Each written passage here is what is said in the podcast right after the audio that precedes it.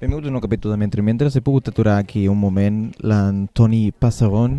Què tal? Eh, com estàs? Eh, com? Je vais très bien, merci. Je suis très heureux de vous rencontrer. Si, j'ai fait un, un par question. Et la première question est, je pense qu'à la France, il y a un peu de films avec le, le, non, le thème du sida. Et peut-être tu as vu le film de Les Amandières. Le connais, Les Amandières de, de l'école de Patrick Chero Oui, absolument. Ouais, ouais, c'est un film qui a eu beaucoup de succès en France. Et en arrière-plan, de ce film, la thématique de l'héroïne est présente et du sida. Et euh, c'est assez surprenant parce que c'est quelque chose qu'on ne voit pas arriver forcément quand on se rend dans la salle de cinéma. Mhm. Et euh, c'est aussi une manière de se souvenir à quel point le produit, mhm. l'héroïne et la maladie, le sida, ont hanté les années 80 et 90, mhm. et notamment dans euh, les milieux artistiques.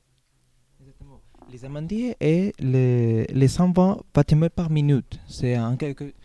Oui, absolument. C'est un film d'un ancien activiste d'Act Up Paris qui s'appelle Robin Campillo euh, avec Philippe Mangeot. Ils ont écrit ce film qui rappelle euh, la lutte contre le VIH au tournant des années 96, 15, 96, 97, avec, juste avant l'apparition des trithérapies.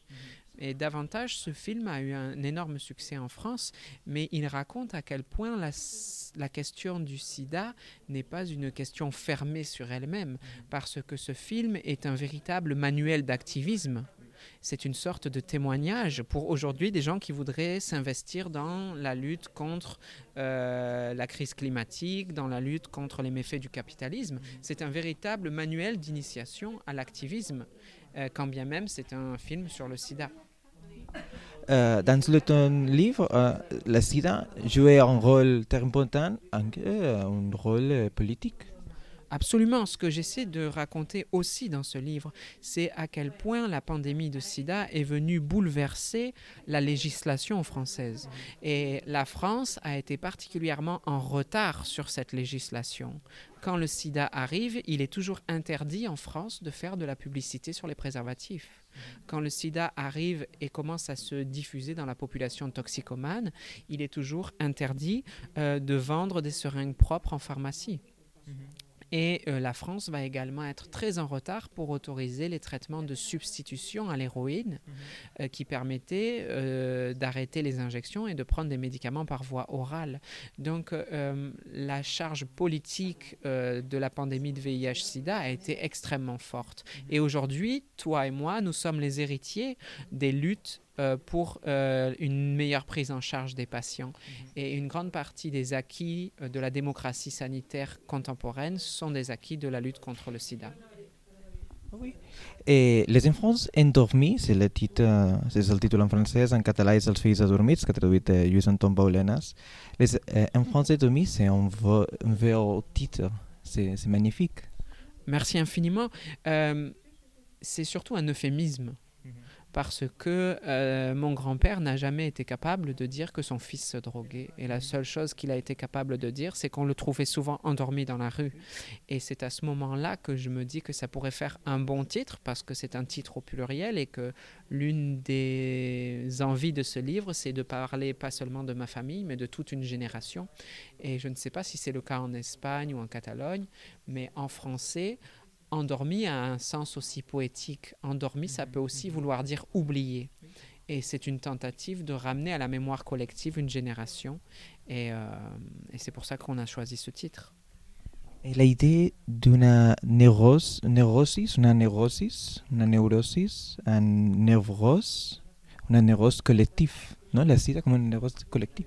Absolument, et c'est pour ça que le sida est toujours une problématique collective et même intellectuelle. C'est parce qu'il a une charge émotionnelle et morale tellement forte que nous n'arrivons pas collectivement à le considérer comme une maladie comme une autre. Et c'est ce qui explique que des gens qui vivent avec le VIH aujourd'hui ne sont pas en mesure de le dire dans leur entourage professionnel, familial et même affectif, parce qu'ils ont peur que les gens se détournent d'eux. Euh, alors que nous parlons simplement euh, d'un virus, de quelque chose de biologique. Et la charge la plus forte, maintenant que nous avons les trithérapies, le combat le plus fort à mener n'est pas forcément du côté biologique, il est du côté collectif et des représentations. Et la dernière question, c'est l'idée du, du le fantôme. Non? Il y a plus d'un fantôme à la nouvelle. Ouais, exactement. Il y a le fantôme d'une sociabilité villageoise. Il y a les fantômes, évidemment, des morts euh, toxicomanes du sida, de leurs enfants, dont certains sont morts. Et la question, c'est que faisons-nous de ces fantômes? Euh, Il ne s'agit pas de vivre avec des fantômes. Euh, je souscris beaucoup à l'idée que les fantômes sont finalement le souvenir de personnes qui ont encore quelque chose à nous apprendre. Nous sommes hantés par des gens dont la mort, dont tout n'a pas été dit. Euh, sinon, ils ne seraient pas des fantômes, ils seraient seulement des défunts auxquels nous penserions de temps en temps. Mais si des gens nous hantent encore aujourd'hui, c'est parce que nous avons encore quelque chose à faire de leur histoire. Et ce livre est une tentative de faire que ces fantômes trouvent une place euh, dans nos mémoires, une place plus définitive pour qu'ils reposent en paix.